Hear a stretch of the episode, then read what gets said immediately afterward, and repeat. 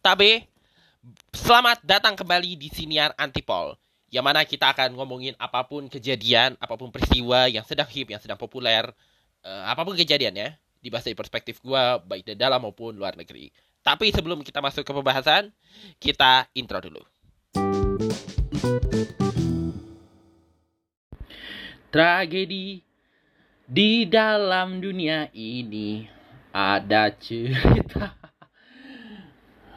sorry ya jadi ngelantur nyanyiin lagunya almarhum Bang Hari Mukti beberapa tahun lalu dengan band uh, salah satu bandnya yang kalau nggak salah pecahannya Krak Krakatau.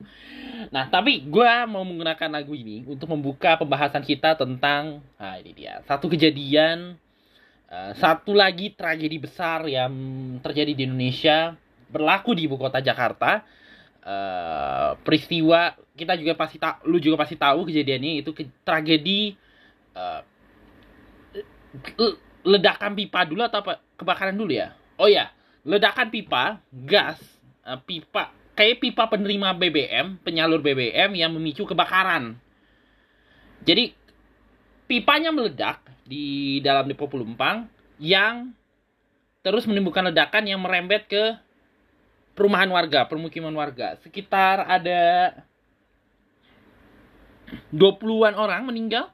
Eh, 5 13 atau 14 orang meninggal dunia uh, dari uh, eh 15. Konfirmasinya ada 15 yang meninggal dunia dalam kejadian ini.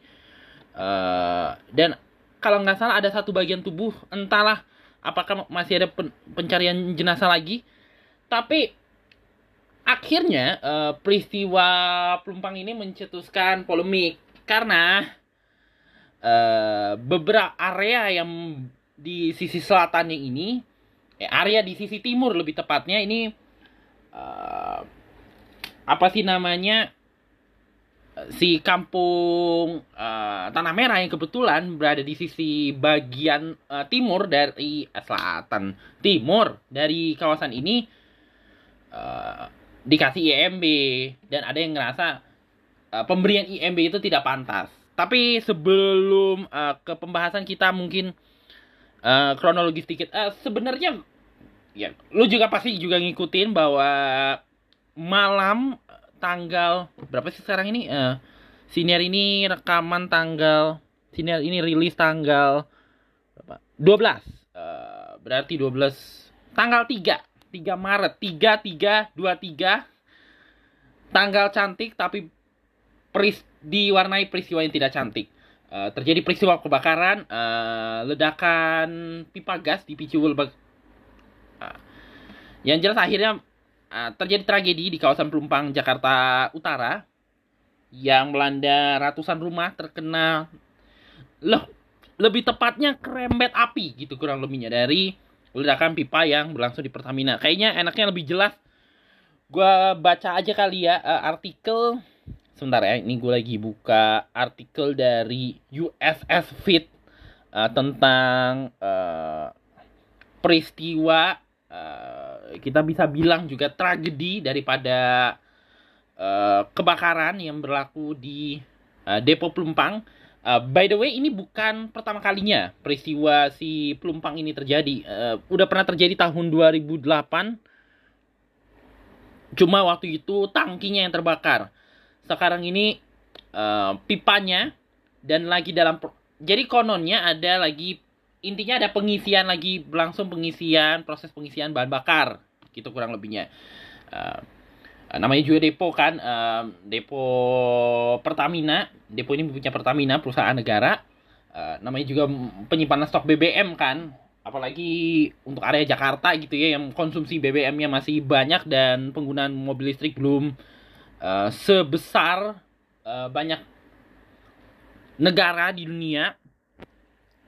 Tapi uh, sehingga penggunaan BBM cukup tinggi baik itu dalam jenis Pertamax uh, jenis uh, premium udah mulai tidak banyak digunakan. Pertalite premium ada ada yang masih pakai solar juga cuma udah nggak sebanyak dulu gitu kurang lebihnya.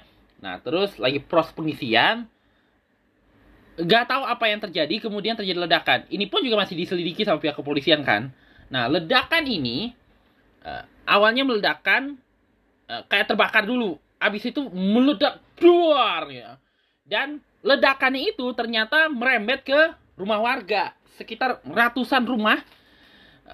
By the way, ini jarak antara rumah dengan kawasan dinding uh, pembatas si Depo Pelumpang ini 5 meter. Uh, padahal idealnya perumahan warga itu 50 meter dari kawasan itu harus jauh gitu. Ada barrier zone gitu kalau kalau istilahnya, kalau istilah yang populernya. Ada pembatas antara kawasan ini dengan perumahan warga, batas amannya itu 50 meter. Ini 5 meter sehingga akhirnya merembet ke si rumah warga itu. Nih gue bacain aja kali ya uh, artikel USS Fit, imbas kebakaran, depo Pertamina Pelumpang bakal dipindah. Minggu lalu, depo Pertamina Pelumpang kebakaran. Ya, kebakaran. Akibat insiden ini 17 orang meninggal dunia, uh, sementara warga setempat harus diungsikan. Kini Menteri BUMN Erick Thohir pun mengaku siap mengambil langkah tegas termasuk merelokasi depo Pertamina. Ini kronologisnya Jumat uh, apa sih 3 Maret menurut penjelasan Jenderal Listio Sigit Prabowo yaitu Kapolri uh, pada pukul 8 malam terjadi pengisian dan penerimaan pertamax di depo Pelumpang. Namun gangguan teknis yang terjadi gangguan teknis terjadi yang menimbulkan tekanan berlebih yang diduga jadi pemicu kebakaran. Uh, pada hari Sabtu, uh, di hari berikutnya, polisi mengumpulkan saksi, CCTV, dan barang bukti lain untuk mengetahui alas kenapa alasan jelas alas untuk mengetahui alasan jelas kenapa kebakaran bisa terjadi. Terjadi. Nih belepotan juga sih. nah, sementara itu di hari berikutnya di hari Minggu, uh, Presiden Joko Widodo menawarkan dua opsi agar tragedi ini tak terjadi lagi. Opsi pertama adalah pemindahan depo Pertamina Pelumpang ke Pulau Reklamasi. Opsi kedua adalah relokasi warga sekitar. Nah, di hari berikutnya uh, Erick Thohir meng, dalam hal ini kemudian Erick Thohir Menteri BUMN mengungkapkan bahwa pemerintah dan Pertamina telah melakukan uh, perbincangan lah terkait dengan kejadian kebakaran ini. Dampak yang ditemukan termasuk dua opsi yang ditawarkan oleh Presiden Joko Widodo. Dan disepakati opsi pertama yaitu pemindahan depo Pelumpang ke uh, tanah Pelindo di Pulau Reklamasi atau Pulau N, ya, salah satu pulau yang mendapatkan kebenaran dari pemerintah Provinsi DKI Jakarta untuk dilakukan pembangunan setelah penghentian reklama, kebijakan reklamasi oleh gubernur sebelumnya yaitu Pak Anies Baswedan. Uh, di sinilah, di situlah yang direncanakan jadi lokasi itu. Bagaimanapun proses ini akan memerlukan waktu tiga setengah tahun. Berarti dari 2000 kalau misalnya jadi ya Lo nggak hitung sendiri lah. nah,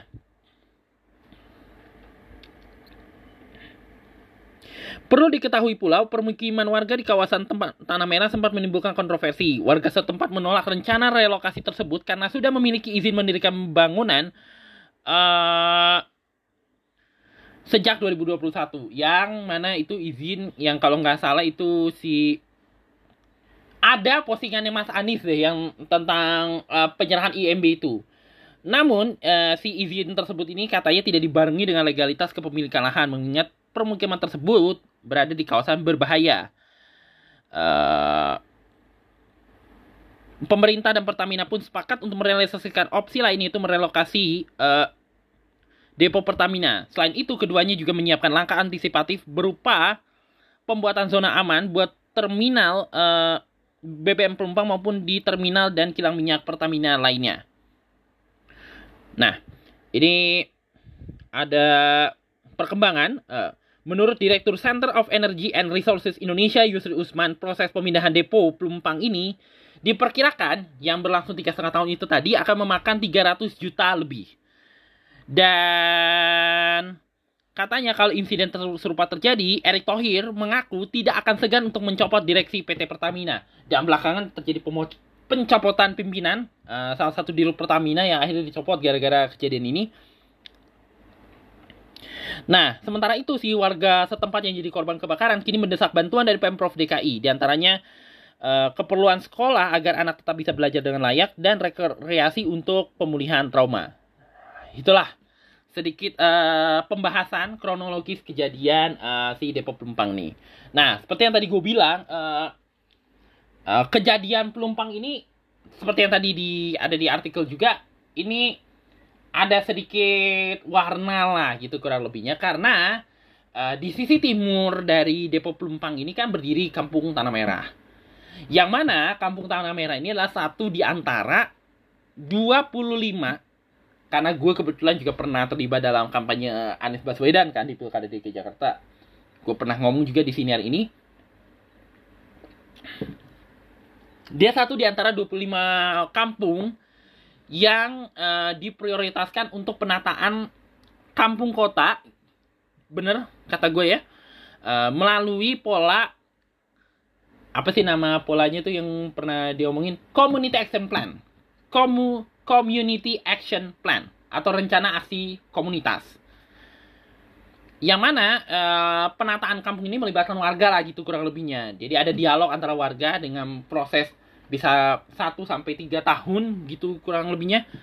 Nah, si penataan ini e, ada bisa berupa pembangunan kembali kampung untuk kampung-kampung yang tergusur dan ada juga opsi lain gitu mungkin bangun kampung deret dan sebagainya. Gue, nah ngomong-ngomong soal penataan kampung ini, gue kan beberapa kali sebelum kemudian An Mas Anies membuat keputusan untuk tidak lagi mengupload uh, rapat-rapat pemprov di apa sih namanya di YouTube itu sering banget uh, membahas rapat soal penataan kampung. Dan gue gue mungkin masih ada deh di Instagram. Di Instagram di YouTube soal rapat-rapatnya. Nah, kemudian si kampung Tanah Merah ini masuk dalam rencana ini. Nah, kalau nggak salah gue nonton di mana gitu, yang jelas sih ada seorang pengamat energi bilang bahwa yang dilakukan Anies ini nih keliru gitu. Memberikan IMB udah istilahnya kayak gini. Lu udah tahu nih kawasan berbahaya. Tempat ini boleh dikatakan nggak aman, tapi lu kasih IMB untuk legalitas warga itu bermukim di situ. Dan ketika terjadi kebakaran, akhirnya isu ini jadi rame kan, gitu kan, uh, soal legalitas itu. Nah, terus kemudian si siapa tuh namanya uh, sempat disinggung juga sama anggota DPRD dari PDI Perjuangan soal IMB itu. Dan istilahnya dijadikan kambing hitam lah gitu ya atas uh, apa yang terjadi gitu di Pelumpang. Terus ada salah satu anggota relawan Ani si Giz Khalifa ngomong kayak gini. ah Lu lu oke okay lah lu bilang ngasal itu jadi legal, tapi lu pernah pikir gak kalau apakah maintenance yang maintenance ini perawatan ya di kawasan Depo Pelumpang ini berlangsung dengan bener gak gitu. Lu cek dulu apakah maintenance yang apa ya, istilahnya intinya si siapa sih namanya si Gas Khalifa bilang jangan salahkan dulu warga yang punya IMB ini gitu. Lu harus juga ngelihat dulu apa sih namanya harus adil gitu. Bahwa si Depo Pelumpang ini udah pernah dilakukan perawatan belum gitu atau di maintenance gitu agar tidak terjadi insiden-insiden yang tidak diingini gitu. Nah, ini akhirnya jadi apa sih namanya sedikit uh, kecoh lah kecot lah pembahasan ini. Uh, terutama sekali uh, tentang masalah si kampung uh, Tanah Merah tadi dan kampung-kampung yang terlibat penataan. Walaupun ini ada satu fakta menarik, gue gue sempat tertonton.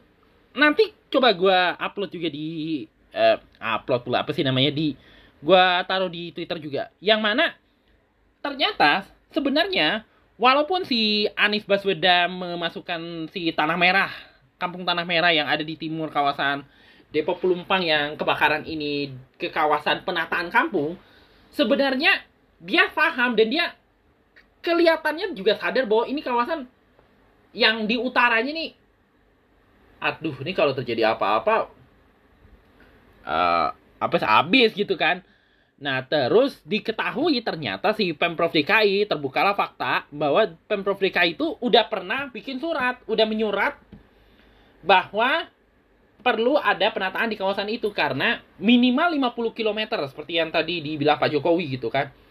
Harus ada zona aman gitu antara si depo pelumpang ini dengan rumah warga minimal 50 km. Nah, surat itu dikeluarkan di tahun 2019 yang mana 2019 itu adalah masa kepemimpinan Mas Anies Baswedan. Jadi kalau mau nyalahin Anies juga agak aneh aneh juga karena dia ngeluarin surat itu.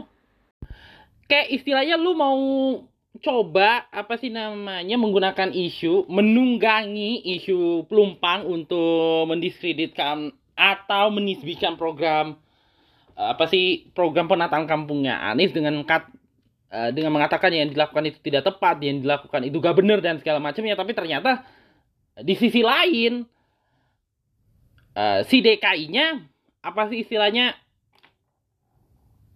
nempat bukan nempatin ya, udah ngasih warning untuk daerah uh, bahwa ini area berbahaya dan harus ditata ulang. Uh, mungkin dan mungkin juga si tanah merah ini kelihatannya tanah merah yang di timur ya uh, kali betik kalau nggak salah area kali betik situ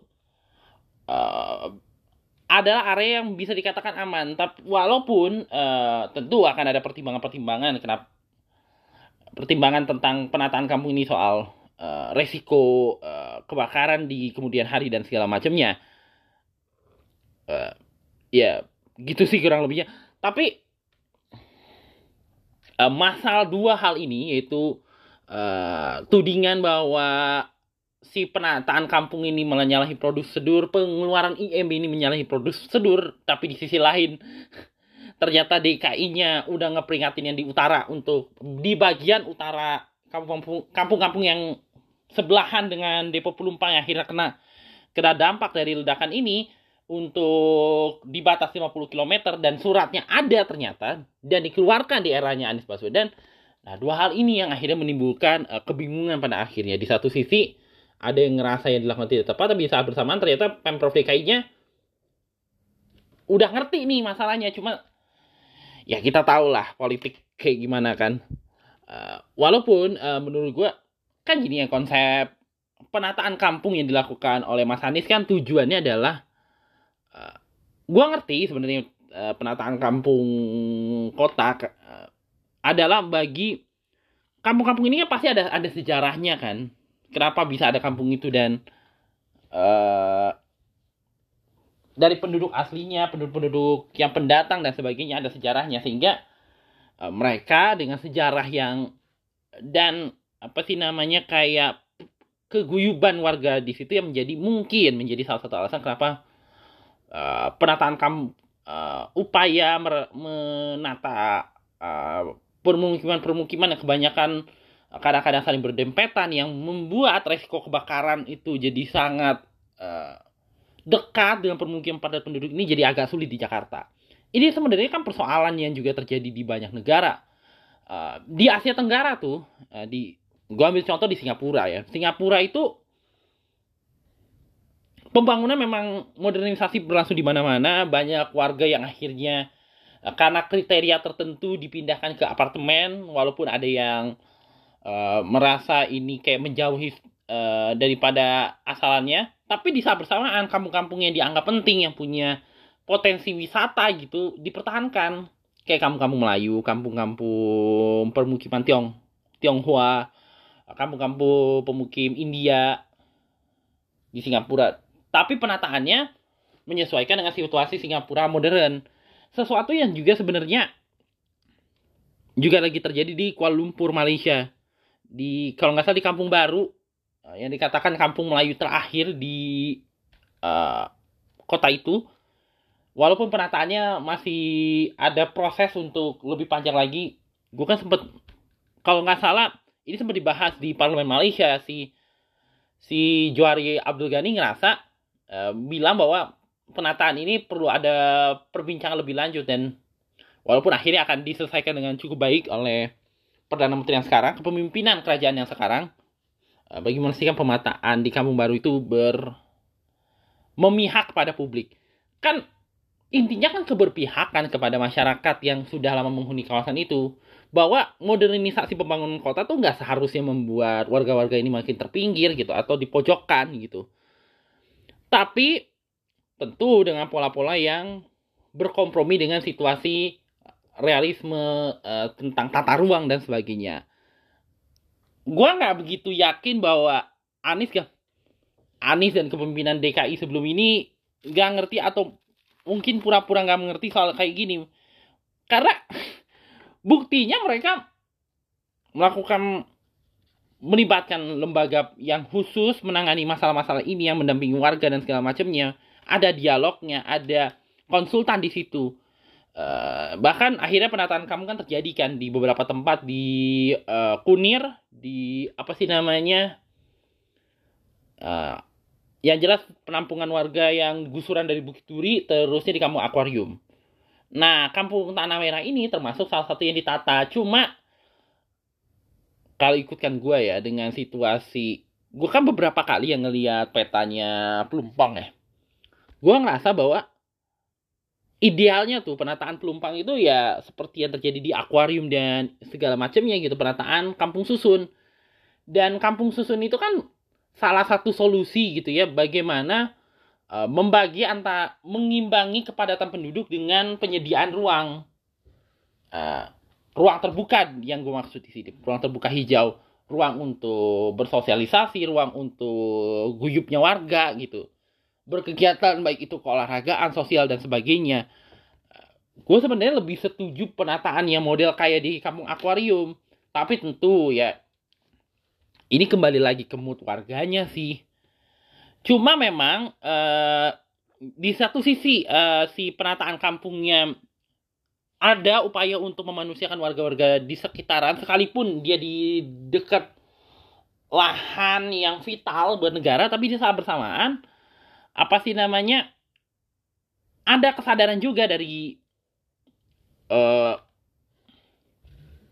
uh, pemangku kepentingan di situ bahwa harusnya warga-warga ini gak, gak tinggal di kawasan barrier zone ini gitu di area-area yang berdekatan dengan objek vital negara karena kita tahu resikonya seperti apa kayak uh, apa sih namanya gudang peluru atau misalnya kayak markas militer, ada jarak tertentu antara permukiman warga dengan uh, kawasan vital tersebut, ada kayak lapangan tembak. Ya, tapi di situ kan nggak ada rumah warga ya, kecuali permukiman PLN. Tapi gue nggak tahu itu deket atau enggaknya. Uh, tapi by the way, memang problemnya si pelumpang ini adalah ada rumah-rumah warga dan itu berdempetan dengan kawasan ini. Makanya ada keinginan menata itu. Cuma itu tadi kepentingan warga kadang-kadang dan orang-orang yang menunggangi kepentingan warga ini kadang-kadang ya susah untuk diucapkan dengan kata-kata. Uh, tapi tentu ini akan menjadi tantangan terutama bagi kepemimpinan DKI saat ini gitu bagaimana penataan kawasan ini dengan tetap memanusiakan warganya gitu. Penataan ke depannya bagi kawasan uh, Pelumpang setelah tragedi kebakaran yang kebakaran maut ini gitu kan. Tap di sisi lain, gue udah ngeprediksi bahwa ini akan dijadikan mainan politik. Apalagi ini 2024, kejadiannya berlangsung 2024. Tentu akan ada pihak-pihak yang by the way menggunakan isu ini untuk uh, melancarkan politik apa yang gue sering menyebutnya politik dendam. Dan keributan ini nih, lu masih tahu bahwa ada pihak-pihak yang masih apa ya sakit hati gitu ya dengan kepemimpinan sebelum ini, kepemimpinan Jakarta uh, di bawah Anies gitu karena ya itu tadi apa sih namanya ya maksud gue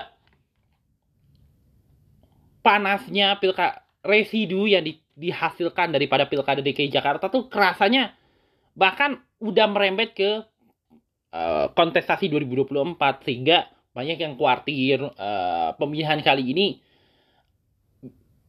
uh, bakal berlangsung agak agak sedikit riuh gitu.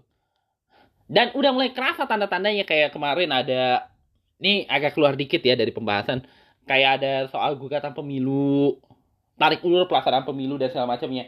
Yang gue sebenarnya tahu semua ini pemicunya apa. Gue tahu kenapa penyebabnya.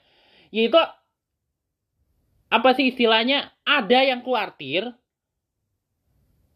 ada yang apa sih istilahnya? Nggak rela gitu kepemimpinan nasional dipegang sama pihak-pihak yang dianggap apa sih istilah gue menghancurkan keinginan mereka untuk orang yang mereka suka jadi pemimpin negara.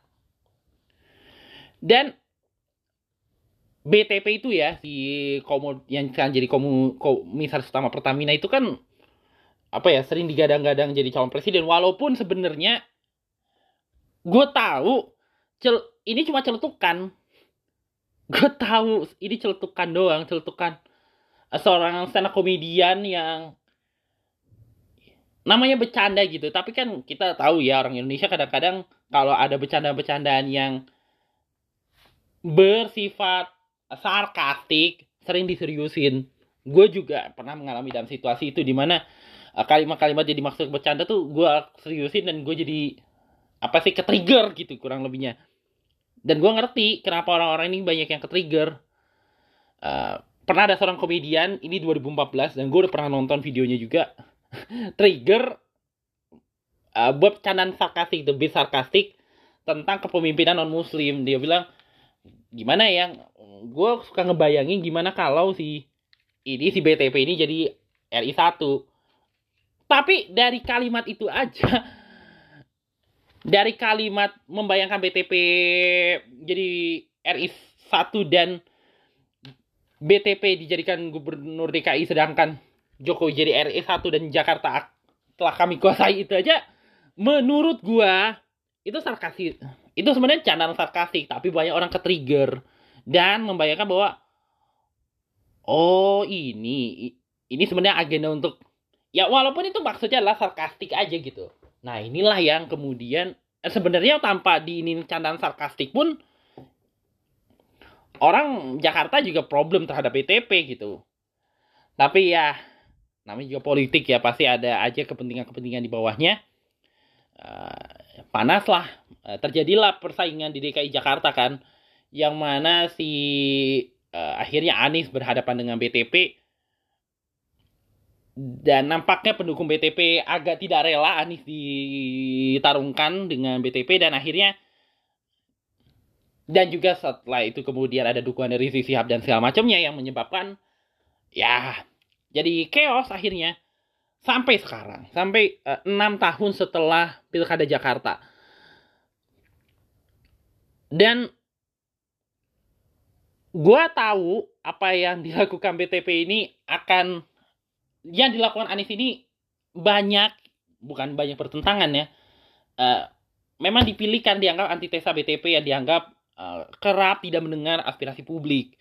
Tapi kemudian dia berhadapan dengan kekuatan-kekuatan yang uh, boleh dikatakan sebagai ya resisten terhadap Anies gitu. Beberapa kali gue bahas ini hari ini kayak Formula E kayak uh, apa sih namanya isu stadion yang seandainya kalau itu kebijakan dilakukan oleh jagoan mereka mungkin nggak akan ada ribut-ribut kayak gini. Tapi yang karena yang melakukan Anies dan Anies kelihatan tidak diharapkan akhirnya jadi ribut dan ributnya itu ya harus diakui termasuk si pelumpang ini dan penataan kampung di dekat kawasan yang akhirnya terjadi tragedi ini uh, kegaduhannya tuh ya itu dia tidak terlepas daripada politik dendam. Membalas dendam dan dengan cara untuk gimana caranya supaya orang ini gak bisa ikut pemain, permainan kontestasi politik. Yaitu tadi karena dendam. Walaupun eh, cara-cara kayak gini tuh di beberapa negara malah jadi bumerang untuk uh, orang-orang ini. Karena apalagi di negara-negara yang sistemnya parlementer. Akhirnya kayak yang terjadi di Israel deh. Ya sekalipun Israel negara Zionis ya. Tapi politik dendamnya tuh kentara banget. Di Brazil juga kayak gitu juga nah kita mesti sadar bahwa uh, politik dendam tuh bisa menimbulkan hal-hal yang malah membuat uh, tujuan pemerintahan untuk menciptakan kebijakan yang berkeadilan untuk semua strata sosial masyarakat tuh jadi makin jauh tujuannya. Lu mesti sadar itu. Dan oke okay lah kita anggap bahwa yang dilakukan Anies salah gitu. Tapi kan tentu Anies punya dasar e, melakukan kebijakan memberikan IMB ke warga di tanah merah. Sekalipun tuh tanah berdiri di dekat kawasan objek vital yang idealnya harusnya ada barrier zone itu. Dan akhirnya memaksa orang-orang seperti Erick Thohir ya akhirnya muter otak untuk penataan untuk melakukan relokasi kan tentu Anies punya alasan soal itu. Tetapi pada akhirnya tentu uh, tujuannya adalah untuk uh, kemaslahatan publik keadilan untuk publik. Nah ketika politik uh, banyak bermain pada kepentingan terutama mema uh, lebih banyak mendengar uh, kalangan atas gitu ya tentu ada kepentingan ada bisnismen tentang kenyamanan dan segala macamnya akhirnya tujuan untuk kepentingan publik yang lebih besar jadi lebih jauh. Menjauh bahkan mungkin makin jauh dari tujuan awalnya gitu. Jadi ke depannya siapa pun yang akan memegang tampuk kepemimpinan kota ataupun uh, negara publik mesti sadar bahwa publik tuh bisa bisa sekesel itu. Bukti nyatanya kayak yang terjadi di Bandung kan uh, dan Masjid Al Jabar kan. Itu kan salah satunya dipicu oleh uh, yang dijanjikan uh, karena prosesnya birokrasinya jadi agak tidak bisa berjalan dengan maksimal. Sedangkan publiknya hilang sabar akhirnya chaos. Jadi ke depannya siapa pun pemimpin harus mulai berpikir bahwa uh, kepentingan publik tuh publik uh, memilih para pemimpin-pemimpin ini supaya hak mereka terbela, supaya ada mereka mendapatkan keadilan gitu kurang lebihnya. Uh, keadilan sosial, keadilan dalam pengambilan segala kebijakannya memihak pada mereka. Nah, kesadaran ini perlu ditumbuhkan kembali. Kalau terus-terusan permainan politik hanya karena nggak mau orang yang lu nggak suka untuk berkuasa, ya akhirannya ya kayak gini gitu kebijak kepentingan publik jadi dibelakangkan kepentingan-kepentingan yang uh, demi mempertahankan kekuasaan dengan kekuatan kapital dan segala macam jadi keutamaan. Ujungnya oligarki. Kan kita gak kepengen peristiwa seperti 98 terulang kembali kan? Makanya ke depannya yang kayak kayak gini mesti mulai dikurangi politik-politik trigger politik-politik ya konflik dikit ya apa-apa tapi jangan sampai mengutap, uh, mengedepankan dendam, mengedepankan emosi. Kalau gak mau terjadi krisis politik. Kayak yang terjadi di banyak negara-negara kayak yang terjadi di Israel, kayak yang terjadi di kepemimpinan Malaysia. Hal-hal yang boleh menimbulkan trigger publik mesti dibelakangkan. Tapi politik yang mengutamakan kepentingan publik atau kepentingan masyarakat harus dikedepankan. Jadi kesimpulan dari siniar ini adalah uh, eh, gue mau bilang bahwa politik publik itu jadi jauh lebih penting. Udah waktunya uh, politik dendam atau revenge politik uh, yang mana menjatuhkan yang gak dija yang jadi musuh dan memenangkan uh, si jagoan dengan cara-cara yang apa sih istilahnya cara-cara yang tidak terhormat tuh harus dihentikan. Kalau kita kepengen kebijakan ke depannya dan pembangunan ke depannya lebih berorientasi kepada kepentingan publik. Nah, di sisi lain, ke depannya penataan ini juga saranan sih. Ke depannya penataan-penataan yang berkaitan dengan objek negara tuh harus ada dialog dulu. Sehingga ke depan uh, sehingga ketika pembangunannya itu uh, publik ngerasa bahwa oke okay lah itu memang tujuannya untuk kepentingan publik dan ada jaminan bahwa pekerja di sekitar kawasan warga-warga di sekitar kawasan mendapatkan keutamaan untuk apa sih namanya uh, bekerja di situ. Kalau ada penataan penataannya harus berkeadilan.